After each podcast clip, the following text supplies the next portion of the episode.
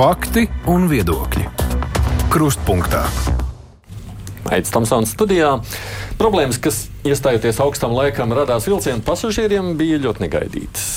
Turklāt nu, pat nedomāju, ka tikai laikam, pasažieriem vien, arī pasažieru vilciens, kad paziņoja, ka turpmāk tam būs jauns nosaukums Vivi. Tobrīd skaidroja, ka pasažieru pārvadājumu jomā ir sākusies jauna ēra. Un diez vai jaunai ērai bija jāsākas ar šādiem notikumiem. Nu, viena lieta ir salūzuši vilcienu, otra, kas notiek tad, kad vilciens apstājas un arī nekust. Nu, un vispār, kā mēs dzirdam, tā arī tiek samazināts reisu skaits. Tas viss kopumā radīs pamatīgu viļņošanos. Tāpēc šobrīd krustpunktā studijā ir pasažieru vilciens valdes priekšādātājs Rožers Jānis Griguls. Labdien jums! Labdien. Šeit ir arī satiksmes ministrs Kaspars Briškens, autotransporta direkcijas valdes priekšādātājs Artūrs Saune Labdien. un saimnes deputāts bijušais ministrs Jānis Vitenbergs. Labdien! Labdien. Un sākam vienkārši tā pavisam, cik nu mēs varam godīgi tā saprotam, paskaidrot, kas tad īsti notiek. Nu, labi, mums tās atsaucas uz augstumu un mašīnas slimošanu, reizes skaits samazināts. Šodien uzzinājām pat līdz pat martam. Nu, slimošana acīm redzot nebūs līdz martam. Mums vienkārši ir piegādāti draņķīgi vilcieni. Tā ir. Nu, vakar jau mēs redzējām, ka Škoda uzņēmās atbildību, un tas mm. mums bija svarīgi, ka viņi arī paši publiski paziņoja, ka tā kvalitāte tomēr tiem standartiem, kāda, kāda viņi gribētu, neatbilst, un, un viņiem ir nepieciešami divi mēneši, lai viņi nonāktu pie tā uh, kvalitātes standarta, tā kādu viņi gribētu. Ja 95% no tiem vilcieniem ir pieejami, līdz ar to skaidrs, ka ir nepieciešams kaut kāds pārejas periods, un mēs haosu pieļaut nedrīkstam. Mums ir svarīgi mūsu pasažieri, mums ir svarīgi, lai visi vilcieni būtu laikā, līdz ar to mēs mēs iekšēji veicam kaut kādus procesus, kur pārkārtojam pirmām kārtām, paņemam mācības no tā, kas ir noticis. Tātad garciemā, tur, kur ir viena, eh, vienas sliedes, kur var veidoties un tādā pudeles kaklā ieliekas korķis, un tad ap, ap, apturās visas lietas. Par tām visām lietām mēs noteikti pārunāsim, bet tad, eh, kas tur lūst? Varat izskaidrot. Man klausītājs zvana brīvajā mikrofonā un mēģina paši izdomāt, kas varētu tur jums visu laiku uh, lūst tiem vilcieniem. Nu, tās ķibeles ir daudz dažādas, protams, ļoti atšķirīgas. Ir ļoti atšķirīgas, un droši vien, ka Škoda varētu precīzāk arī atbildēt. To viņi arī vakar preses konferencē skaidroja, kādas tās kļūmes ir un, un katra no tām kļūmēm kāda novēršana. Bet, uh, ejot laikam uz priekšu, mēs arvien redzam, ka kaut kādas mazākas vai lielākas kļūmes parādās papildus, un līdz ar to šis uh, ir tas solis, ka mēs skatāmies, ka kamēr ne, nav nostabilizēts stabilizējusies tā rīcība no Škodas puses, un viņi nav nu, garantējuši to, ka visi vilcieni, kas ir pieņemti, ir stabili pieejami kustībā, nu, to ha haosu kustībā pieļaut nedrīkst. Tad, kad tas parādījās, vispār, um, man šķiet, tās pirmās ziņas, no arī satiksmes ministra sakot, nu, ka nozarē nu, tā tas ir jauni vilcieni, jūs tur atsaucāties uz Igauniju. Bet nu, mums jau te ļaudis saka, ka nu, tad, kad tu nopērci jaunu mašīnu, tu taču negaidi, ka tu katru nedēļu brauks uz autoservisu vai lidmašīna pacelsies gaisā. Nepieļauj variantu, ka viņi varētu tur kaut kādas ķībeles gaisā notikt. Vilcieniem tas nevar, ne, nevar tā būt norma. Norma nevar būt uh, situācija, kad vilciens nevar tālāk kursēt norma ir dažādi veidi defekti, kurus ir iespējams novērst, un šādi defekti ir neizbēgami ieviešanas fāzē, uh, kurus novērš pasažieram nezinot. Nu, piemēram, aizkulisēs. Piemēram. Jebkāda veida nezinu, iestatījumu kļūdas, datoru kļūdas, kāds sensors, kas nedarbojās, kāds elektrosavienojums, kas nedarbojās. Šeit ir vesela virkne šādu tā saucamo B klases defektu, kas nerada, tas neizraisa situāciju, ka vilciens nevar tālāk kursēt. Nu, pasažieris nepamanā. Varbūt pamanīja, ja teiksim, kādas, kāda ierīce nestrādā vai kāds USB ports nelādējās. Uh mhm. -huh. Nedaudz pamata, bet, pamana, bet tas neietekmē uh, prognozējumību un vilcienu kustību. Ja ir šie A klases defekti, kad vilciens eh, faktiski iziet no ierindas, kā divos gadījumos, attiecīgi dzintaros un pirms tam eh, garciemā, tā skaitā saistībā ar bateriju, kā rezultātā nevarēja strāvas eh, noņēmējs darboties, nu, vilciens tālāk nevarēja kursēt. Tie nav normāli gadījumi. Tās vairs nav tās, kā saka, bērnu slimības, bērnu pirmie zobiņi, kas izlien jebkurai tehnikai, tā skaitā aviotehnikai, autotehnikai un arī, protams, dzelzceļa ritošajam sastāvam. Tā jau ir nopietnāka problēma, tāpēc vakardien arī Škodas augstākā vadība apliecināja savu atbildību Un, protams, ka ir ļoti svarīgi arī man, no ministrijas perspektīvas, ka Latvijai neradīsies papildu izmaksas šo defektu novēršanā. Tā ir ražotāja atbildība. Garantijas ietvaros mēs vienojāmies arī. Nu, Skoda apsolīja, ka divu mēnešu laikā tiks nodrošināta vismaz 95% uh, vilcienu pieejamība. Šobrīd viņa ir nokritusies dažkārt pat zem 60%. Viņai ir jāatgriežas 95% eh, apmērā. Mēs zinām, ka Latvijā līdz šim uh, bija ierasts, ka vilcieni kursē ļoti, ļoti punktuāli. krietni virs Eiropas Savienības vidējiem rādītājiem, mm. tuvu 99%. Šobrīd, protams, tas rādītājs ir nokrities tieši dēļ jauno vilcienu ķibelēm jāstrādā, lai vidējā termiņā atgrieztos un atgūtu sabiedrības uzticību vilcieniem kā drošākajam un punktuālākajam transporta līdzeklim. Šis Jūsu teiktais, nu, ka tas, tas pirmais labais, ka viņi uzņēmās atbildību un ka viņi to par saviem līdzekļiem seks. Man liekas, tas pats par sevi saprotams. Tas vispār varētu būt apstrīdams, ja kaut kādā veidā apšaubāms, ka viņi to nu, ir, jau, ir jau dažādi un tad, ražotāji. Un tad, un nu, tad, un tad. Ne, protams, ka ir to Griguļa kungs noteikti var plašāk pakomentēt. Ir vesela virkne soda sankciju, kas ir ietverts līgumā, gan attiecībā uz šiem ikdienas defektu novēršanām, ja tās nenotiek saskaņā grafiku. A klases defekti 24 stundās, B klases klases defekti 72 stundās, tad nekavējoties iestājās soda sankcijas. Nemaz nerunājot par lieliem līguma sodiem, kur mēs runājam par daudziem simtiem uh, tūkstošu vai pat miljonos mērāmām uh, soda sankcijām. Ja, protams, šiem vilcieniem uh, gadās kādi būtiskāki defekti, kas varbūt pat sliktākajā gadījumā noved pie tā, ka vilcieni ir jāatsauc. Bet tas, kas ir svarīgi, Škoda arī ir apņēmusies būtiski stiprināt savu komandu šeit Rīgā. Iepriekš bija desmit cilvēki, šobrīd ir te trīsreiz vairāk, 27 cilvēki, kas nodarbojās arī ar gan gan nodošanas eksploatācijā uzraudzību, gan ar šo defektu korekciju. Bet jūs jau te pieminējāt vārdiņu haosu abi divi, un būtībā tā situācija ir tāda, ka ļaudis mums ir rakstījuši, gan kur, kurš te eksāmenu noka, nokavēja, un līdz ar to bija problēmas, ārstas pieraksts un tam līdzīgas lietas. Problēmas jau ir notikušas tagad. Uh, nu, kādam par to ir jāatbild vai nav jāatbild šobrīd? Vai mēs sakām, nu, nākotnē novērsīsim tikai? Nē, noteikti atbildība ir jāuzņemās visām iesaistītajām pusēm. Ja mēs tikko izrunājām teiksim, to defektu novēršanu, kas ir absolūti ražotāja atbildība, Jā. tad Latvijas neizpildītie mājas darbi attiecībā uz nepilnvērtīgu pasažieru apziņošanu krīzes situācijās, īpaši tad, kad vilciens nevar tālāk kursēt, vai attiecībā uz alternatīvu transporta risinājumu nodrošināšanu, par tie ir Latvijas neizpildītie mājas darbi. Par to arī parunāsim, protams, bet šajā brīdī Škodai ir jāatbild tikai vienīgais tas, ka mēs izlabosim to situāciju, vai viņiem ir jāatbild par radīto haosu jau līdz šim. Ja, nu, protams, ka tas galvenais izraisītājs ir šie tehniskie defekti. Līdz no. ar nu. to atbildības ķēdē nozīmīgs elements ir ražotājs. Kā šī atbildība izpaudīsies? Ja nu, mēs varbūt es iesaistīšos, man Škoda atbild jau par to. Tas ir līgumā paredzēts, ka tiešos zaudējumus Škodai ir jāsadz. Skodai ir jāsadz, un to mēs arī publiski esam vairāk kārtīgi teikuši, to, ka, ja rodās šādi pārtraukumi, tad lūdzu, var izmantot alternatīvas transporta līdzekļus, var saukt taksometrus, mums šādi pieteikumi nāk, un tie visi izdevumi tiks piestādīti Škodai, un Škoda par to arī atbildēs. Tātad tikai tie, kas sūdzēsies. Tie dabūs kaut kādu kompensāciju no Škodas. Tiem, kuriem radīsies zaudējumi. Un šie no nu jā. zaudējumi jāparāda. No nu jā. jāpierāda jā. Protams. Bet, bet jums jau arī ir problēmas ar Škodu. Škodas šo neizdarību nav.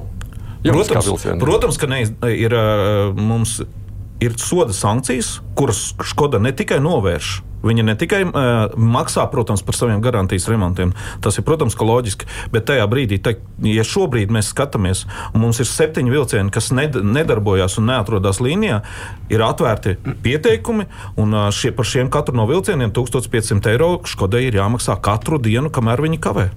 1500 eiro par katru dienu šobrīd vilciens, kas neiziet. Jā, par katru vilcienu, par katru dienu. Pietiekoši?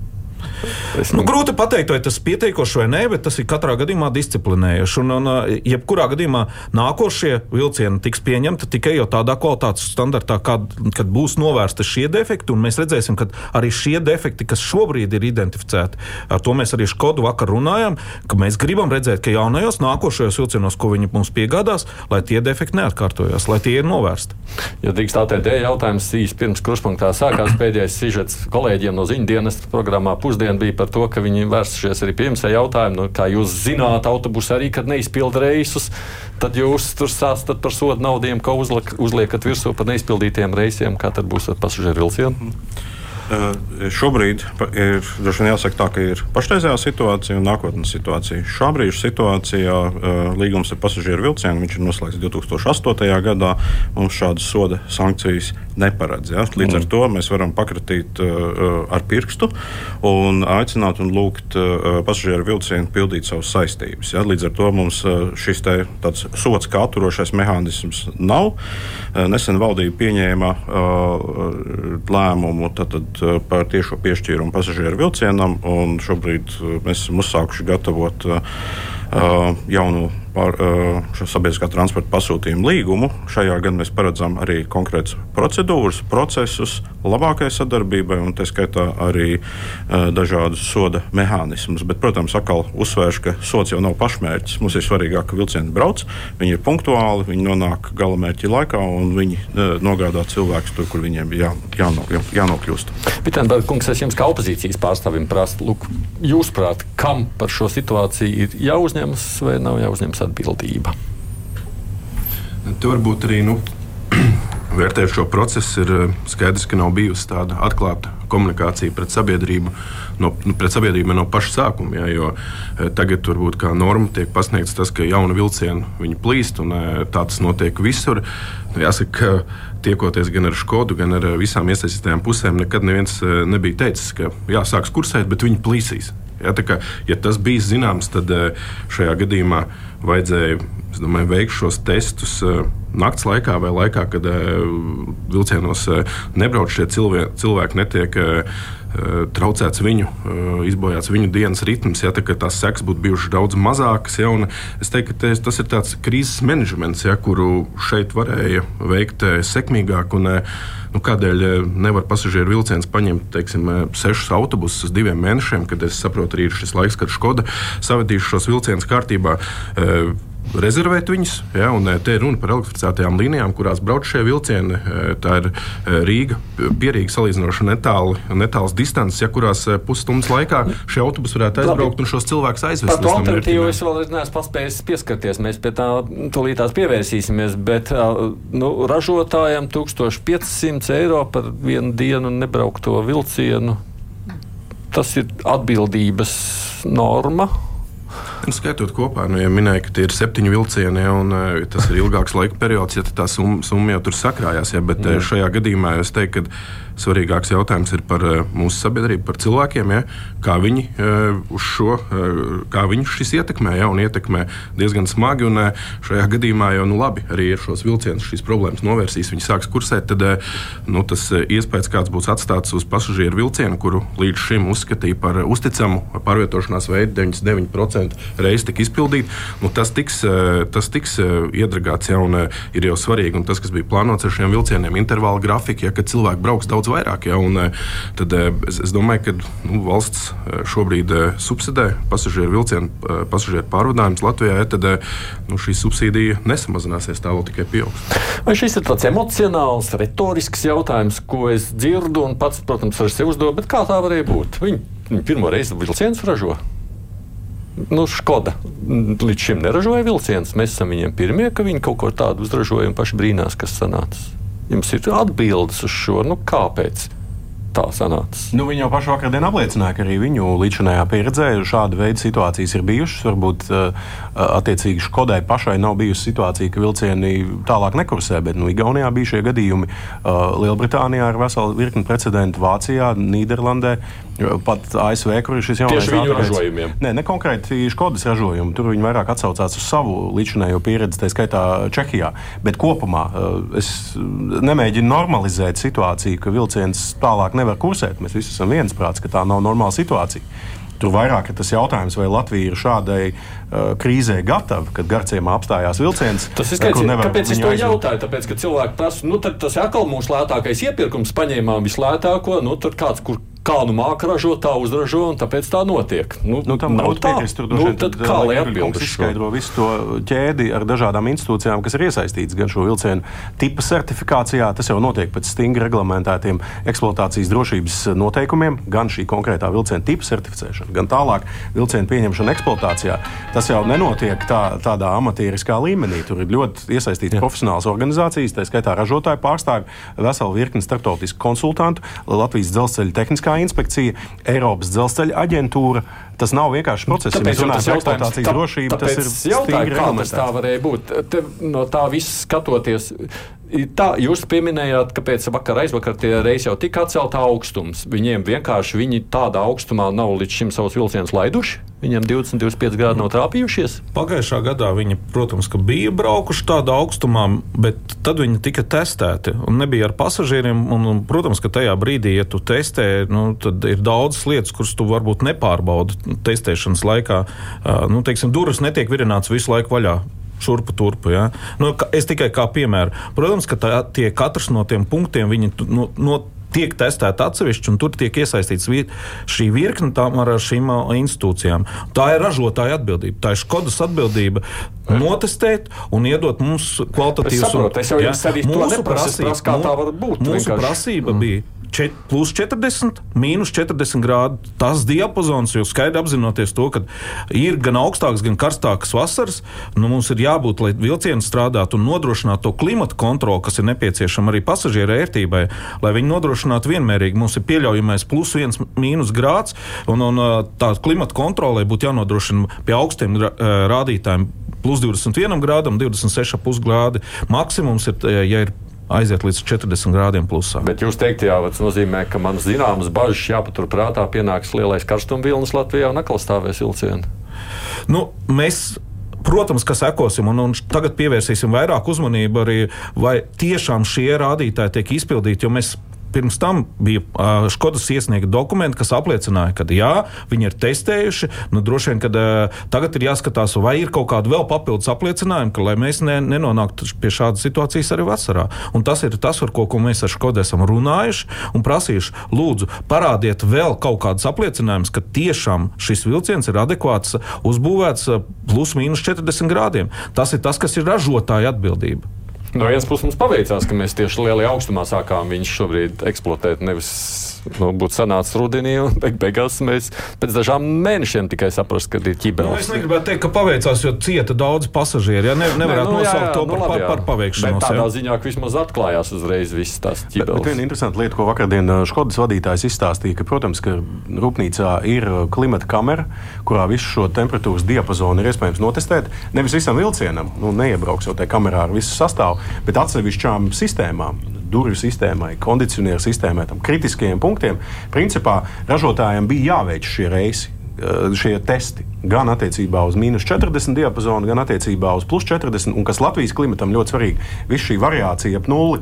Kas, protams, arī ietekmē visu šo mm. sasaušanas, atcelšanas ciklu, kas, protams, kritiskās sistēmas eh, var ietekmēt. Nu, mm. Mēs paļaujamies, ka ražotājs visus šos testus ir pilnvērtīgi veicis. Tā izskaitā eh, atbildīgo institūciju uzraudzībā. Nu, redzot to rezultātu, mums tūlīt būs nākamais iepirkums, es ceru, par tiem bateriju vilcieniem. Nu, varbūt ar Škodu nevajag ielaisties vairs darīšanās. Man jāstāsta, mēs esam šobrīd šī iepirkuma veicēji. Un, Šobrīd šis iepirkums atrodas jau otrajā kārtā. Līdz ar to mums ir jau priekšatlasīti piegādātāji. Gan jāpiebilst, ka Škoda ir to šo piegādātāju sarakstā. Mm -hmm. Un šajā gadījumā, protams, mēs arī tālāk jau arī iepirkuma gaitā vērtēsim. Šis iepirkums ir strukturēts tādā veidā, ka šeit ir ņemta arī citu valstu prakse, gan vilcienu ražošanā, gan testēšanā, gan akceptēšanā. Arī es pieļauju, ka viena otra soda sankcija un atbildības formulējums ir stingrāks nekā Škodu iepirkumā ir bijis. Protams, iepirkuma praksa ir gājusi uz priekšu. Līdz ar to ar bateriju vilcieniem, protams, ir viena, arī viens lielāks izaicinājums, jo bateriju tehnoloģija ir salīdzinoši jauna. Gan jāsaka, ka šobrīd, ja mēs skatāmies Eiropas Savienībā, citvietā, ja, tad varētu teikt, tā ir jaunā normalitāte, ka sabiedriskā transporta transporta vajadzībām tiek pasūtīti galvenokārt jau bateriju vilcieni, un faktiski dīzeļvilcieni vairs netiek pasūtīti kā tādi neelektrificētās līnijās. Nu, un, uh, protams, arī šī pieredze ir ņemama vērā praksē, un es uh, pieļauju, ka arī šīs uh, te, šie izaicinājumi un kļūdas arī varēs tikt ņemts vērā. Bet kādā biznesa. veidā? Nu, jo, jo, nu, es saprotu, jebkurš iepirkums ir tīri juridiska procedūra. Nu, lūk, man interesē. Nu, te ir viena emocionālā sadaļa, jo es pieļauju, ja jūs paziņosiet pirms 11 gada, ka jums uzvarētājs ir Škoda. Tur vienkārši Latvijas sabiedrība varētu nesaprast jūs, bet jūs jau kaut kā tas ir jāspēj iekļaut tajā iepirkumā. Es, protams, nedrīkstu arī sacīt, ka es šobrīd mēģinu ietekmēt iepirkumu, bet nu, mm. saprotat taču. Mm. Jā, katrā ziņā mums ir jābūt eh, pret piegādātājiem neitrāliem. Tā jā. Eh, iepirkums ir, protams, juridiska, bet arī tehniska padarīšana. Ja, tad gan līguma prasības, gan apdrošināšana, garantijas, eh, gan arī tehniskās funkcionālās prasības, kā arī vērtēšanas kritērija. Tad gal beigās veidos šo piedāvājumu, kuru tad arī iepirkuma komisija vērtēs un izvēlēsies saimnieciski izdevīgāko. Esmu pārliecināts, ka šajā gadījumā mēs iesim tiešām uz saimnieciski izdevīgāko, kas nebūtu nenozīmē lētāko. Es mazliet pie šī jautājuma arī abiem politiķiem gribu jautāt, jo to mums ļoti bieži arī pārmet kādi no viesiem studijas, gan arī klausītāji, sakot, ka lūk, mēs to bēdīgo pieredzi bieži vien iepirkumos neņemam vērā arī korupcijas gadījumos, kur būvniecībā un visur citur, un tāpēc arī uzkāpjam uz tiem pašiem grābekļiem. Ko darīt, lai tā nenotiek? Jums kā politiķi redzat tam? Iespēju nodrošināt Latvijā arī tā, tādā ziņā ilgspējīgu politiku. Nu, kā gadījumā nulle tolerance jebkādām novirzēm no, no godīgas konkursa kārtības. Tāpēc ir svarīgi, protams, ieturēt neitrālu pieeju, jābūt ļoti profesionāli izstrādātām tehniskām specifikācijām, jābūt spēcīgām komandām, kas iesaistās īpaši jau otrajā kārtā, kad tiek saņemti šie tehniskie piedāvājumi, kas iesaistās sarunās ar ražotājiem. Tur jābūt ļoti spēcīgām, kompetentām, pat ar starptautisku atbalstu komandām. Jo mēs, protams, gribam arī ārpus elektrificētās zonas mūsu pasažieriem nodrošināt modernu dzelzceļa ritošo sastāvu. Dīzeļvilcienus ne tikai vairs nepērk, bet arī Eiropas Savienība nelīdzfinansē.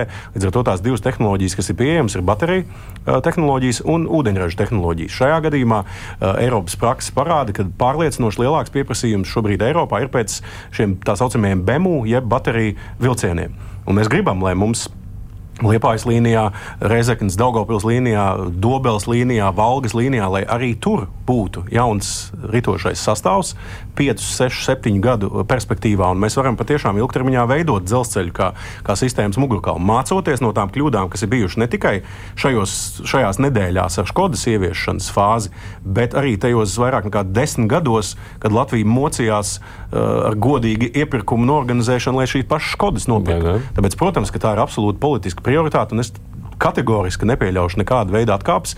Es esmu arī uh, sarūknāts par to, ka šobrīd šis BMU iepirkums ir kavējies, tikai nesen ir izsludināta uh, šī otrā kārta. Tur ir jāiet uz priekšu. Mēs redzam, ka arī tie 16 vilcieni, kas ir potenciāli iekļauti šajā otrajā kārtā, uh, 9 plus 7, ir nepietiekami. Mums faktiski vajag vairāk nekā 30, pat tuvāk 40 šādu veidu dīzeļus aizvietojošiem vilcieniem, lai visā mūsu, teiksim, tur, kur dzelzceļš ir pieejams, pasažieriem būtu pieejams moderns ritošais sastāvs un tālāk, lai mēs varētu kombinēt arī auto pārvadājumus tajās uh, vietās, kur dzelzceļš nav pieejams, nu, kā tādus teiksim, saistīto, mm. saistīto pārvadājumu, lai cilvēkus varētu pievest pie dzelzceļa stacijām. Par tiem konkursiem runājot un pieredzes izmantošanu. Ne, nu, tas, protams, pieredzes svarīgs aspekts jau un eh, šajā, šajos apstākļos ar eh, bateriju vilcieniem nebūs laika, lai uh, vilcinātos jau un šo uh, iepirkumu pastieptu gadu, gadus, nu, es pat negribu runāt desmit ja, vai, vai ilgāk, ja, jo tur ir strikts termiņš, kurā tas ir jāizdara. Ja, un, jā, visi priecājās par to, ka no Lietuvas atbrauc uh, dīzeļvilciens uz uh, Latviju, iet no Viļņas uz Rīgu. Bet, nu, šādi vilcieni varēja būt Latvijā, bet šī iepirkuma netika realizēta. Bet, uh, es teiktu, ka nu, šobrīd bateriju vilciens tā ir vienīgā iespēja, lai tālās līnijas spētu aizsniegt un cilvēkiem nodarbi, nodrošināt mūsdienīgu teiktu, pakalpojumu. Bet jau. ir iespējas politiski ierakstīt nezinu, likumā, jebkurā sakotā, ja mums ir kaut kāda nu, šajā reizē varbūt nav koruptīva, bet pat pieņemsim pat sliktākajā gadījumā koruptīvu pieredzi, nu, tad nu, uzņēmums nevar piedalīties iepirkumā. Nu, kaut kā tā, nu, kaut kas, ko tu vari ņemt no vecās pieredzes līdzi, lai tur viens nevar Ne, nu, reputācija, kurā gadījumā ir kā izslēdzošs uh, apstākļus jaunai.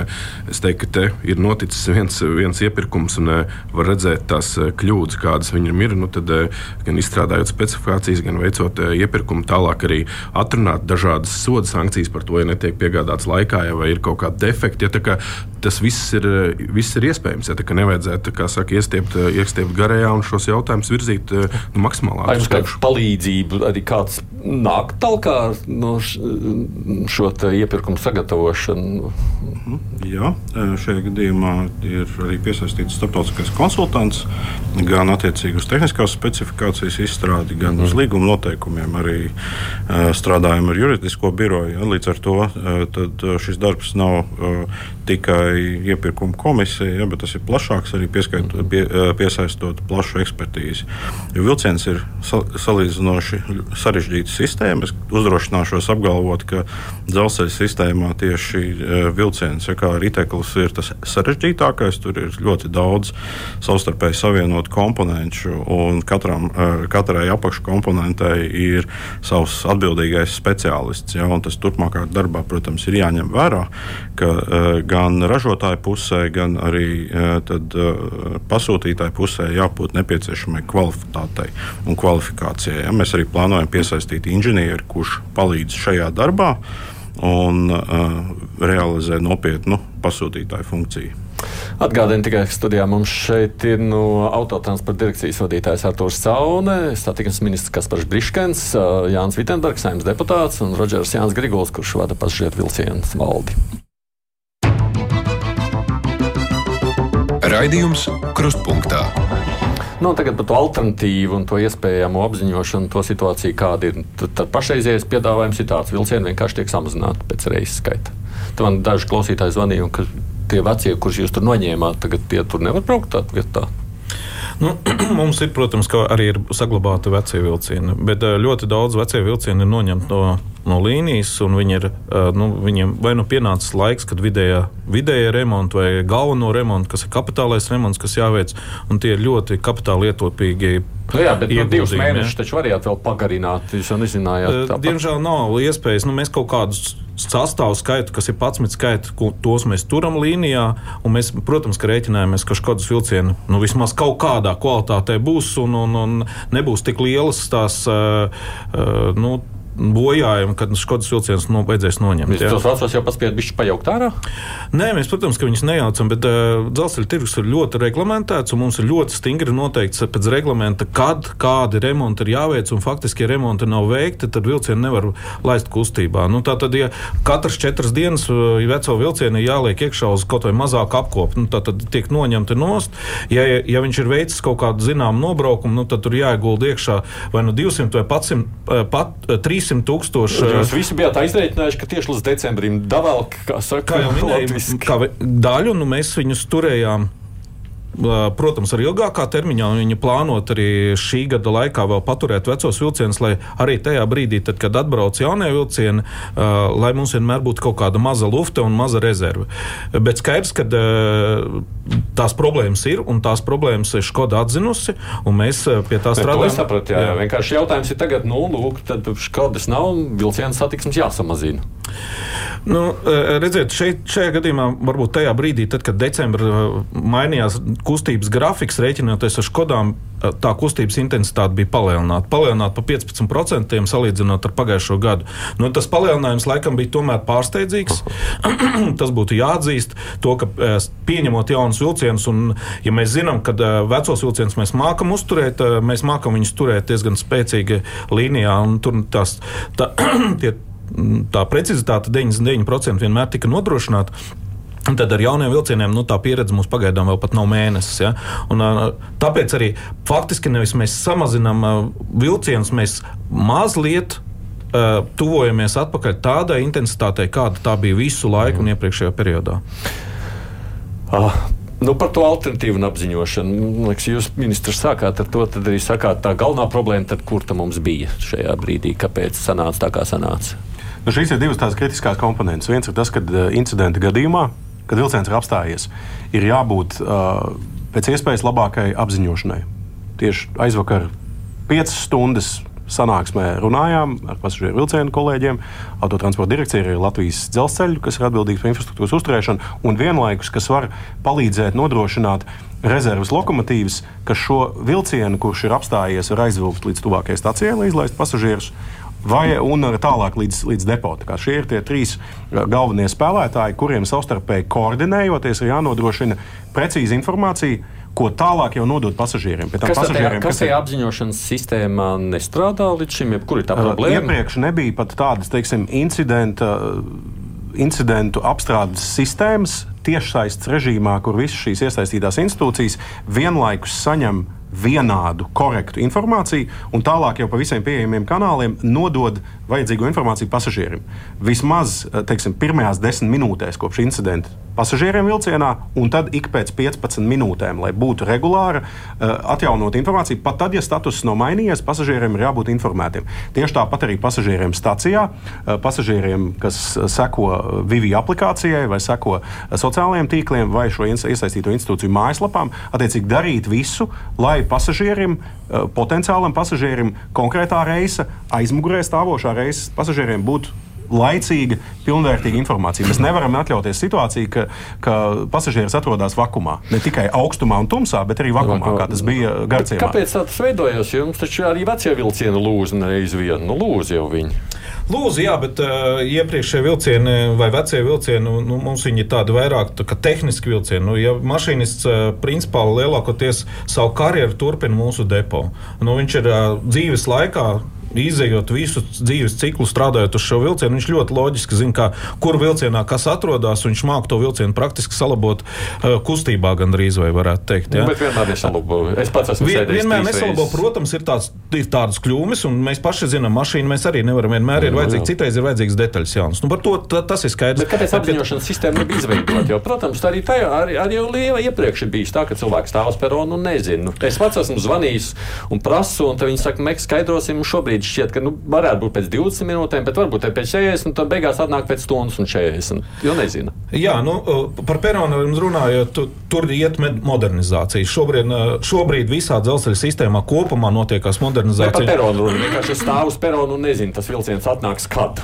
kaut kad jau atnāks. Jā, nu, redziet, tur, tur ir ļoti, nu, tā ir diezgan komplicēta sistēma. Bet vienkārši sakot, ir nepieciešams šie paredzēšanas laiki. Un bieži vien tie paredzēšanas laiki ir ļoti grūti prognozēt. Ja viņš ir kaut kur iestrēdzis pudeles kaklā iekšā, nu, tad uh, vienīgais, kas mums var atļaut, ir infrastruktūra izbraukt, un tie nepieciešami tie prognozēšanas laiki. Un tie prognozēšanas laiki katru laiku tiek.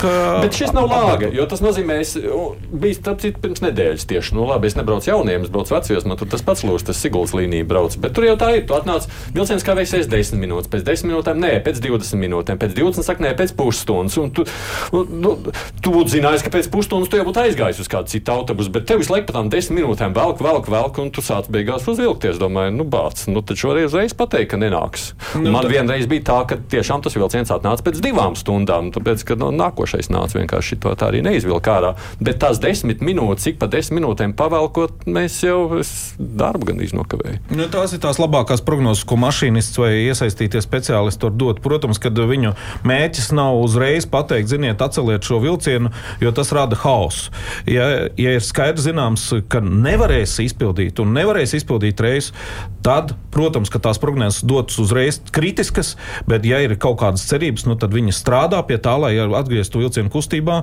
Tas nav lāga. Labāk... Nu, nav lāga. Es saku, nav lāga. Sanāk, nelāga. Bet, bet kas ir svarīgi? Ja mēs, te, te mēs atkal nonākam arī pie, tā, pie tās otras ļoti svarīgās tēmas, kas ir alternatīvās transporta iespējas.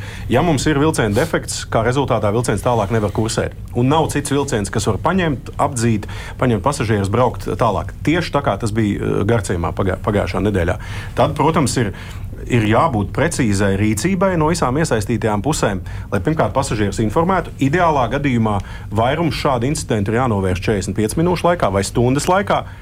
Ir defekti, kurus nevar novērst, piemēram, tas bija Garciemā, tad ir, tāpēc jau mēs esam sapulcinājuši pie galda visus, lai iedod skaidru pārliecību, kas, kas notiek, kā tiek organizēta šī vilciena evakuācija. Tāpēc šobrīd ir Latvijas dzelzceļa norit pārunas par to, ka varētu izvietot šīs rezerves lokomotīvas, kas nepieciešamības gadījumā operatīvi organizē vilciena aizvilkšanu līdz tuvākajai stacijai un tālāk līdz depo. Un otrs jautājums ir, kā parūpēties par pasažieriem, nekavējoties. Tas ir tas risinājums. Vai tie ir risinājumi ar, ar autobusiem. Esam runājuši arī par idejām, ko Vitsenbergs sākumā minēja, ka par to, ka teiksim, strateģiskās lokācijās izvietot nu, tādā pagaidu režīmā autobusus, kas var šādā situācijā nākt palīdzīgā. Tad, protams, runāt par to, kā organizēt kustības grafiku, tā lai, piemēram, vairāki Škodas vilcieni kursē viens pēc otra, jo viņas savstarpējā sakabē, notiecīgi, eh, veselais vilciens var slimo vilcienu aizvilkt līdz stacijai. Un tālāk jau tad, tad risināt šo jautājumu, kad viņš ir noņemts no tā konkrētā uh, sliežu ceļa tas ir tas modelis, kas līdz šim nav strādājis. Un, diemžēl mēs redzam, ka šī problēma mums ir arī autobusu pārvadājumos, kur jau, nu, jau izsens uh, mums ir kavēti un atcelti reisi, ka diemžēl šāda veida nacionāla mēroga alternatīvā transporta sistēma nestrādā. Un šeit, protams, es sagaidu risinājumus no autotransporta direkcijas, kas ir šī pasūtījuma pasūtītājs, kam, protams, būtu arī sadarbībā ar pārvadātājiem līguma ietvaros, uzliekot visas nepieciešamās sankcijas šajos līgumos, lai šāda veida risinājums tiktu nodrošināts. Kāpēc nav svarīgākas lietas kā pasažieris šai sistēmai. Būtībā tas nav ministram jādara, tas bija direkcijai jādara šīs lietas jārisina. Šajā gadījumā arī labi, varbūt aiziesim mazliet arī juridiskajā pusē. Šajā gadījumā jau likums paredz, ka pasažieru pārvadātājiem ir jānodrošina, jānogādā šie pasažieru gala mērķi. Arī, ja ir tāds tehnisks incidents, ja ir mhm. kavēšanās un tam līdzīgi. Arī līgumos ir šīs prasības iestrādātas, bet realitātē mēs redzam gan autobusos, gan arī vilcienos nevienmēr tas strādā. Un šeit, uh, Uh, tas mehānisms vienkārši soda sankcijas, tas jau īsti nepalīdz. Ja? Mums arī, uh, nu, ir bijušas arī šobrīd jau šos mēnešus, kopš esmu autotransporta direkcijas priekšsēdētāja amatā, ir diezgan smagi roku jāparaksta uh, šīs soda biļetes, ja, kuras ir simboliskas. Ja ir teiksim, pārvadātājiem vairāki reisi mēnesī atcelti, ja, tad nu, varētu teikt, ka tas ir simboliski, simbolisks sods par to, ka šis reiss nav izpildīts. Bet, ja mēs atgriežamies eh, pie praktiskās puses, tad šeit primāri uh, ir, un es domāju, ka arī mēs šobrīd starp uh, dzelzceļa infrastruktūras pārvaldītāju, tad Latvijas dzelzceļa pārvadātāju, pasažieru vilcienu un mums, kā sabiedriskā transporta pasūtītāji, esam panākuši arī izpratni pirmkārt par informāciju.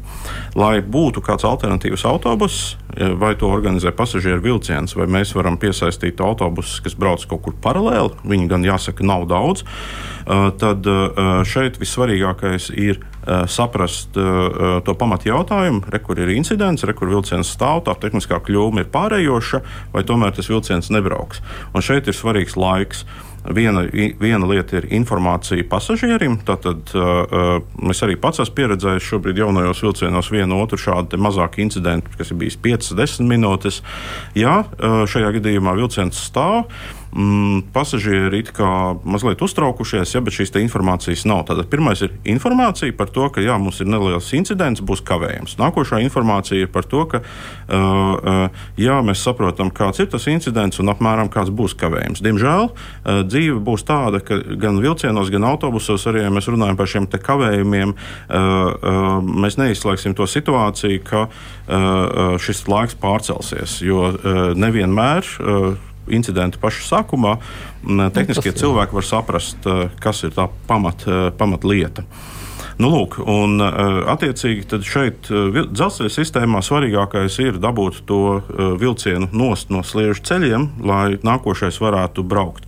Īpaši šobrīd elektrovilcienu zonā lielākoties mums šie vilcieni kursē ar takti, jeb intervālu, kas ir biežāks par reizi stundā, reizi pusstundā, jā, teiksim, arī sastrēguma stundās ir reizes 15 minūtēs. Līdz ar to šeit tā pirmā rīcība ir dabūt to vilcienu no, no sliedēm, lai pārējie vilcieni brauc laikā, un tad nākošais vilciens var uzņemt šos pasažierus, kas ir bijuši šajā vilcienā. Nu, ir jau reizēm pēc stacijām jau tur ir pārmaiņas. Viņas pārmīs visbiežāk, jo tie vilcieni pēc tam brauc pa pretējām sliedēm un atgriežas atkal iepriekš nākamajā stacijā. Jā, tas nav tā tik vienkārši. Ne visā, tur atkal ir tehniskās nianses. Katra dzelzceļa līnija ir mazliet savādāka, un tam vilcienam ā, braukt ā, pa pretējo ceļu nav nemaz tik vienkārši. Ja? Tas ir vienkārši, piemēram, Jelgavas līnijā, bet cit, arī aizkrauklas līnijā, bet ā, Skultas un Jurmās līnijās tas tā mm. īsti nenotiek. Ja? Un tad ir būtiski kavējumi pārējos vilcienos. Tomson kungs, ja var atgriezties pie jūsu piemēra, kas ir tieši tas piemērs, kas, kas ir jānovērš. Attiecīgi, jums 10 minūtes ir viena informācija, un tad pēc 20 atkal, un īstenībā nekādas skaidrības, un beigās tas viss ievelkās stundām ilgi. Ir jābūt faktiski rīcības algoritmam, kas paredz to, ka pirmajās 20 minūtēs, nu, kad mašīnistam ir bijusi iespēja izmēģināt nu, kaut kādus vienkāršākus risinājumus. Tās durvis varās vai nevarās ciet, nu, attiecīgi, varbūt 20 minūšu laikā to ir iespējams salabot, sazinoties ar, ar, ar servisu centru, uh, bet 20 minūtes. Un tālāk, jau, ja 20 minūtēs tiek, neno, netiek novērsts šis defekts, tad tiek iedarbināta jau šī papildus glābšanas uh, operācija. Vai nu attiecīgi lokomotīvi, kas velk vilcienu ārā, īpaši viņš atrodas sliežu ceļa, kur viņi nevar apdzīt, vai tiek iedarbināti, teiksim, izsaukti šie autobusi.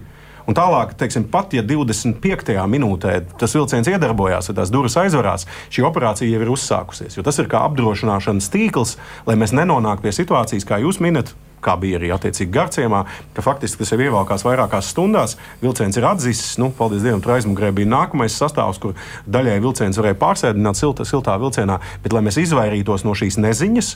Un risinājuma trūkuma, gaidot, kad varbūt izdosies šo vilcienu atdzīvināt. Un tādā pagaidu režīmā, šajā nu, īpaši tajā režīmā, kad mēs sasniegsim uh, nu, pēc saskaņā ar Skodas solījumu šo 95% vismaz uzticamību, mums ir jābūt šāda veida apdrošināšanas sistēmai. Pitenbergs.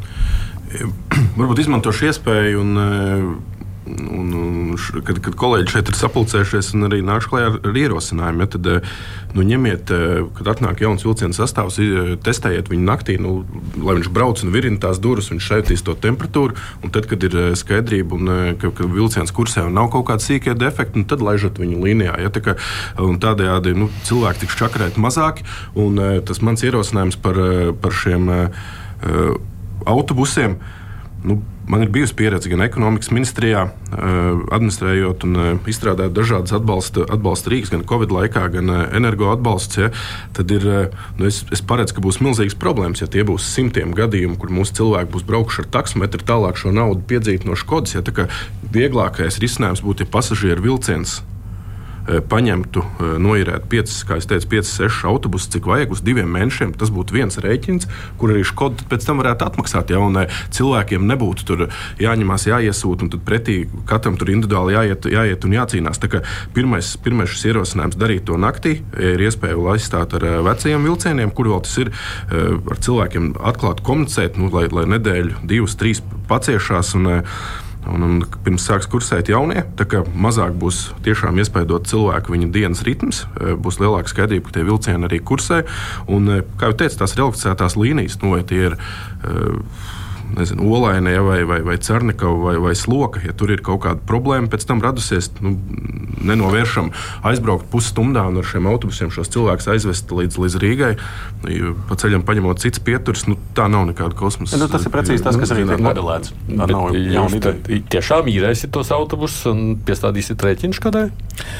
Es domāju, ka ir jāsadala šis risinājums divās daļās. Pirmkārt, to, ko mēs jau esam šeit vairāk kārtīgi runājuši, ir tie risinājumi, kas neprasa milzīgas ieguldījumus. Tātad tie, tie, tā ir informēšana, tas ir tas, ko ja mēs, lai mazinātu šo haosu un, un atceļam reisus un nodrošinam to, lai viņi strādā divās līnijās. Protams, ar Vitsenberga kunga pieminētais risinājums, tas ir apspriežams naktīs šūt, sūtīt atkārtoti Škodas vēlreiz un, un mēģināt viņus vairāk kārtīgi testēt ā, ar Škodas speciālistiem. Tie tie ieguldījumi, kas varbūt tie risinājumi, kas varbūt tik daudz neprasa naudu. Tikko mēs pārējām pie kaut kādiem citiem risinājumiem, tie ir kapitāla ieguldījumi. Milzīgi, ā, un te ir jautājums, kas par to maksās. Ā, Mūsu līgumā ir paredzēts, ka Škoda maksā tiešos zaudējumus, ja kāds reizes tiek atcelts. Ja? Šie ir, ja mēs kā ierosināts pirmām kārtām rezervēt šādus autobusus, nu, tie netiešie izdevumi. Tie, tie nevarēs ne, tikt attiecināti pret Škodu. Tas ir pirmām kārtām, otrām kārtām uh, autobusi nevienmēr atrisinās situāciju. Būs, ja pieņemsim, vilciens apstājās meža vidū, nu, tad, tad tur ir jā, vajadzīga lokomotīva. Lai izvilktu ārā. Jo mēs nevaram vienkārši no vilciena izkāpt ārā ar, ar un nu, pretī autobusu neatradīsies. Skaidrs, ka tās situācijas ir ļoti daudzas un dažādas. Un, protams, kad rīta posmā, ja brauc vilciens ar 400 pāri pasažieriem, nu, tad mums ir jāpiesūta vairāk, 10, 11 autobusus. Kad viens autobus tur to situāciju neatrisinās. Tas ir komplekss risinājums, kas ir Protams, mēs esam viens no šīs sistēmas dalībniekiem. Ne tikai vilcienu kavē, bet arī autobusu kavē. Un tā kā jau ministra kungs jau pirms tam minēja, šeit svarīgi ir to, ka, lai šo risinājumu vismaz ilgtermiņā atrod uh, mūsu pasūtītāju. Bet tad beig, beigās es nesapratu to tādu izcinājumu alternatīvu. Tad kāda ir? Nu, labi, pieaugušie vēl tam līdzīgi, bet mums te vairāk rakstījuši arī par saviem bērniem, ka tur viņiem desmitgadnieks sēdējis tajā Jā. vilcienā. Nu, viņš jau nenoķers nevienu taksi nekur. Nu, tu no tā bērna to nevar prasīt. Ko tad viņam darīt? Sēdēt un salt tur? Ja bērnam, ja bērnam ir šāda situācija, es pirmām kārtām, protams, ļoti atvainojos, ja tāda situācija rast, rastos no nu, savā. Tāda ir bijusi. Bet, jāiet pie konduktora. Konduktors būs tas, kas palīdzēs un izsauks, ja tāda situācija būs, un palīdzēs šim bērnam. Iesēdināt taksiju. Jā. Bet tas, bet tas ir tas ātrākais risinājums. Protams, ka risinājums, ja mums uh, autotransporta direkcija uzdos un mēs uh, un, finan, būs pie, pieejams finansējums šiem autobusam, mēs to izpildīsim. Bet mēs vienmēr esam ļoti uh, skrupulozi skatījušies, un mūsu pasūtītājs ir vienmēr ļoti skatījies uz mūsu izdevumiem. Sakot, no Grigūļa kungs saprot, nekāda autobusa nebūs. Autotransporta direkcija uzdos, mēs, pat, mēs to izdarīsim. Protams, no. aptauja notiek, mēs esam runājuši. Man, man tiešām, kungi, liekas, ka eh, šie jautājumi, vai tas ir eh, liepais maršruts ar autobusu vai, vai vilcienu, man liekas, ka tas ir eh, individuāli komersantu uzņēmuma atbildība. Ja, šajā gadījumā nu, autotransporta direkcija taču nepirks eh, vilcienus, lai izvestu vai jaunas autobusus. Ja, šajā gadījumā, nu, ja liepais autobusu parks sistemātiski kavē un nepilda saistības pret valsts, pret uh, sabiedrību, pret pasažieriem, tad šis līgums jālauž un jāmeklē kāds, kas to var izdarīt. Nu, kur tad uh, nu, dublēs kaut kādu? Nav cerībā vienīgais, ka lietuvieši Nigauņi vedīs. Nu, tad kā tad būs? Man interesē. Jā, šajā gadījumā es, es domāju, ka šva, svarīgi, un šeit es nepiekritīšu Grigūda kungām, svarīgi ir tas, ka pārvadājuma uzņēmums viņš ir vistuvāk pasažieriem, uh, un tas ir arī šī pārvadājuma pārvadājumu uzņēmumu, konkrēti arī pasažieru vilcienu pienākums noorganizēt. Mēs nākam tālāk ar informāciju, mēs nākam tālāk ar atbalstu tur, kur ir maršruta tīkls, un, protams, arī ilgtermiņā mēs domāsim par citiem risinājumiem. Labi, jūs sakat, viņiem šobrīd... ir pienākums, viņi saka, viņi to pienākumu nepildīs. Ne, mēs viņu pildīsim, ja mums uzdos, un mēs apmaksās. Nav problēmas, izpildīsim. Naudu, Galvenais ir iedodiet naudu. naudu. Dodiet naudu viņiem. Bet ja jūs jau komentējat, ka nu, Škoda par visu samaksās, nu, tad ņemiet Nē, es jau, es jau ja, no, tā, kurš maksās? Teicu, Škoda maksās patiešām tiešiem izdevumiem par dīkstāvi vai par vienkāršu rezervāciju, tas nav Škodas pienākums. Nu, bet iztēlojieties, ja simtiem cilvēku iesniegs katrs to savu čeku, kā tālāk to nodemonstrēs. Nu, tur ka būs problēmas, kādam neatmaksās. Un, eh, nu, tad iztēlojieties, kas tā būs pa mašinēriju, ja vēl turpināsies divus mēnešus eh, šāds, eh, šāds sistēmas. Ja, ja, ja ministram jāsaka vārds, jāsaka ministram tagad piedodiet. Nu, tas, ko mēs redzam, ir tas, kas jā, nu, nu jau vairāk kā simts dienas ir novērojams tāds institūcijas starptautiskā savstarpējās sadarbības karnevāls vai attiecību karnevāls, ja tā var nosaukt, eh, kur, protams, katrs mēģina ar pirkstu parādīt uz otru, vienmēr kaut kādus papīrus bīda savā starpā, bet nav šī mērķiecīgā vēršanās uz risinājumu. Man ir vajadzīgs risinājums. Nu, jūs tikko dzirdējāt, viņi saka, dos naudu ATD, ATD nedod jā, naudu. Nu, tad, ko es darīšu? Vien un šāda sanāksme bija nepieciešams uh, sēdēt visi trīs. Jā, uh, kaut vai diennakti nav svarīgāk šobrīd uzdevumu Latvijas transporta sistēmā, kā nodrošināt, lai mums pasažieri nepaliek dīkstāvē meža vidū. Bet jūs jau teicāt, jūs jau vakar tur 5 stundas sēdējāt, bet tad nav Man bija sajūta, ka mēs bijām par risinājumiem vienojušies, nu, un tad sākās dažādi veidi papīra stumdīšana. Skaidrs, ka man tā nav pieņemama situācija. Mm. Mēs esam gatavi arī, ja man atnes konkrēti šo institūciju saskaņot risinājumu. Es esmu gatavs nepieciešamības gadījumā iet uz valdību, izskatīt uh, iespējas, varbūt pat pieteikt uh, papildu budžeta līdzekļus no līdzekļiem neparedzētiem gadījumiem, vai skatīties, kā pārorganizēt satiksmes ministrijas budžetā pieejamos līdzekļus. Šī ir top prioritāte. Šis nedrīkst atkārtoties. Līdz ar to šeit nevis ir jānodarbojas ar tādu birokrātisku pimbolu, bet ir jāatrod risinājums. Un tad kopīgi nāciet uz satiksmes ministriju, mēs uh, pienaglosim šo risinājumu. Tas ir tas, kas mums ir vajadzīgs. Un šodien, nevis varbūt pēc nedēļas, pēc Nu, divām nu, nedēļām pēc gada. Nē, nu, risinājums, mūsu risinājums ir atrasts. Skaidrs, ka ir atrasts uh, risinājums gan ar Latvijas dzelzceļu, gan ar autobusu pārvadātājiem. Mēs esam runājuši un jau to esam izdarījuši. Un faktiski visu laiku mums ir bijušas sarunas arī pirms tam. Protams, mums nav, nav bijušas rezervācijas. Ja tādi incidenti notiek, tad mu- mums ir pieredze ar to, ka ar autobusu pārvadātājiem uzzvanot un prasot viņam, lai viņi nodrošina autobusu reizes, bet, ja, viņ, ja viņš nav rezervēts, viņam nekādas saistības nav. Viņi pasaka, piedodiet, mums autobuss nav pieejams. Jā.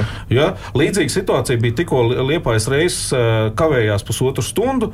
Uzzvanījām Liepājas pārvadātājiem. Viņš pasaka, piedodiet, mēs tikai pulkstenes 12. jums tuvāko autobusu varam nodrošināt. Nu, nācās gaidīt. Nācās gaidīt pasažieriem pusotru stundu vilcienā, ieradās pusotru stundu vēlāk. Nu, tādas tās situācijas, diemžēl, ir. Protams, runājot ar autobusu pārvadātājiem, visi ir gatavi nodrošināt šo pakalpojumu. Jautājums, cik tas pakalpojums maksās. Un pēc tam man, man kurš- ir un atkal jautājums, maksās? kam es šo rēķinu varēšu piestādīt. Sakot, atbildes šeit man šodien nav. Uh, Atbilde ir. Es domāju, ka šajā gadījumā uh, tas ir pārvadājuma uzņēmuma jautājums. Es domāju, arī līdzīgi tā kā mēs esam uh, šobrīd risinājuši arī par šīm lokomotīvēm. Jā, šī ir situācija, kad šī incidenti ir daudz biežāki nekā viņi ir bijuši iepriekš. Un šeit es vienkārši aicinātu pasažieru vilcienu arī uh, veidot šos plānus tieši konkrēti vilcieniem. Un, uh, nu, mūsu izpratnē jau teiksim, šobrīd ir pietiekamas likuma normas, kas to pasaka un uzdod kā pienākumu. Un tāpēc uh, šeit svarīgākais ir vairāk jau tad. uh, Tehniskais uh, risinājums, un, manuprāt, nepareizi ir domāt, ka pasas, šobrīd autotransporta direkcija pasu, pasūtīs pasažieru vilcienam autobusu pārvadājumus. Nē, šajā gadījumā svarīgākais ir, ka pārvadājuma uzņēmums, un patiesībā tas ir visā sistēmā, arī nodrošina šo pakalpojumu nepārtrauktību. Ja, ir, ir, uh, ir tādas prasības Latvijas likumos, ja, kur, kur kur tam ir jābūt eh, pašsaprotamam. Mēs arī sagaidām šobrīd to, ka eh, šādās situācijās eh, tas tiek nodrošināts. Bet es klausos jā. jūsos, ja jūs tā no malas sev paklausītos, jā. vajag, ir jābūt, tas ir jā. Nu, tā ir tāda vēlamības, vajadzības izteiksme, kurā mēs runājam, bet tas jau man neko nepalīdz. Nu, tajā vēlamības, vajadzības izteiksmē jau pēc diviem mēnešiem var būt, ka ir vajadzīgs, lai tie 95% vilcieni arī brauktu, bet tur jau es tad palikšu uz vajadzības izteiksmi. Es nedzirdu šeit risinājumu. Jums tas bija vīri, jūs pārsteidzāties. Mums tāda cilvēka saka, ka par vai vai jāpārtais. Būs jātaisa cits rebrandings atkal. Nu, Angliski droši vien vai, vai viņš arī tā saucās. Nemainīsiet neko vēl savā brendā atkal no jauna. Nē, mēs esam pārliecināti par to, ka uh, tuvākā laikā šādas problēmas tiks atrisinātas. Škoda par to ir devusi solījumus. Līdz ar to uh, mēs ceram atgriezties pie tā standarta, kas ir uh, 98, 99% precizitāte. Protams, ka šis posms ir smags, tas ir jāpārdzīvo, bet ilgtermiņā mēs atgriezīsimies pie tā, ka mēs būsim ļoti precīzi un ļoti labs pārvadātājs. Kādam ir jābūt arī mm, vairāk nekā atbildības uzņemšanās vārdos. Kādam būtu jāzaudē šeit, nezinu, amats. Jāparādās kaut kam šādi. Ja, ja šāda situācija, kā šodien mēs redzam šajā sarunā, eh, turpinās šāda sadarbības gaisotne pēdiņās eh, krīzes situācijā, tad, tad es noteikti neizslēdzu šādus lēmumus. Katrā ziņā tas nav, nav pieņemama situācija. Mums ir jādod pārliecība mūsu pasažieriem, ka sistēma strādā uh, uzticami. Arī grūtos apstākļos, arī šajos izaicinājumu laikos, kad mēs ieviešam jaunu tehniku, mums vienlaikus norit arī lieli būvniecības un infrastruktūras darbi tieši dzelzceļa uh, sistēmā. Bet uh, visām pusēm ir jāstrādā kā vienotai komandai, vērstai uz risinājumu. Tas ir viens no iemesliem, un šis ļoti precīzi ilustrē to, par ko es runāju no pirmās dienas, ka mūsu nozare, diemžēl, ir pārlieku sadrumstalota. Institūcijas rāda ar pirkstu vienu uz otru, un tāpēc es esmu virzījis šo arī nozares dienas, cik reformu. jūs dodat tā, ka ir risinājums, patiešām risinājums, nevis tikai vajadzības forma?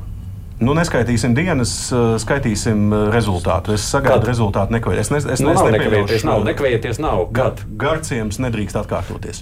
Tas, tā ir šī brīža mēra auguma. Satiksmes ministrs Kaspars Briškens eh, no pasažieru vilciens, te bija valdes priekšsēdētājs Rodžers Jānis Griguls, no autotransporta direkcijas valdes priekšsēdētājs Artūrs Caune un saimnes deputāts bijušais ministrs Jānis Vitenbergs.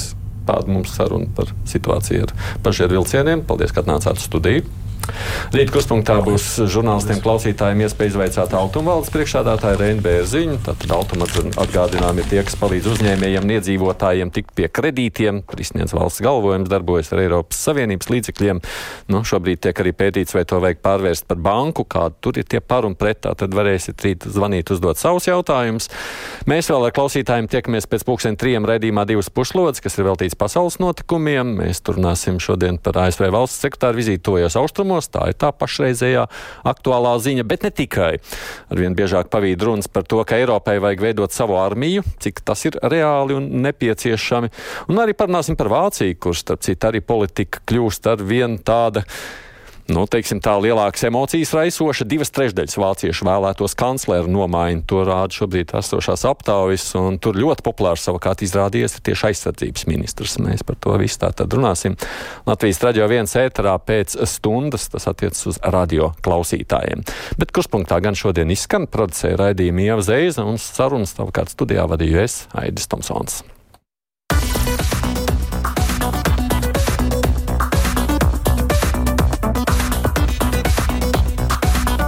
Fakti un viedokļi. Krustpunktā.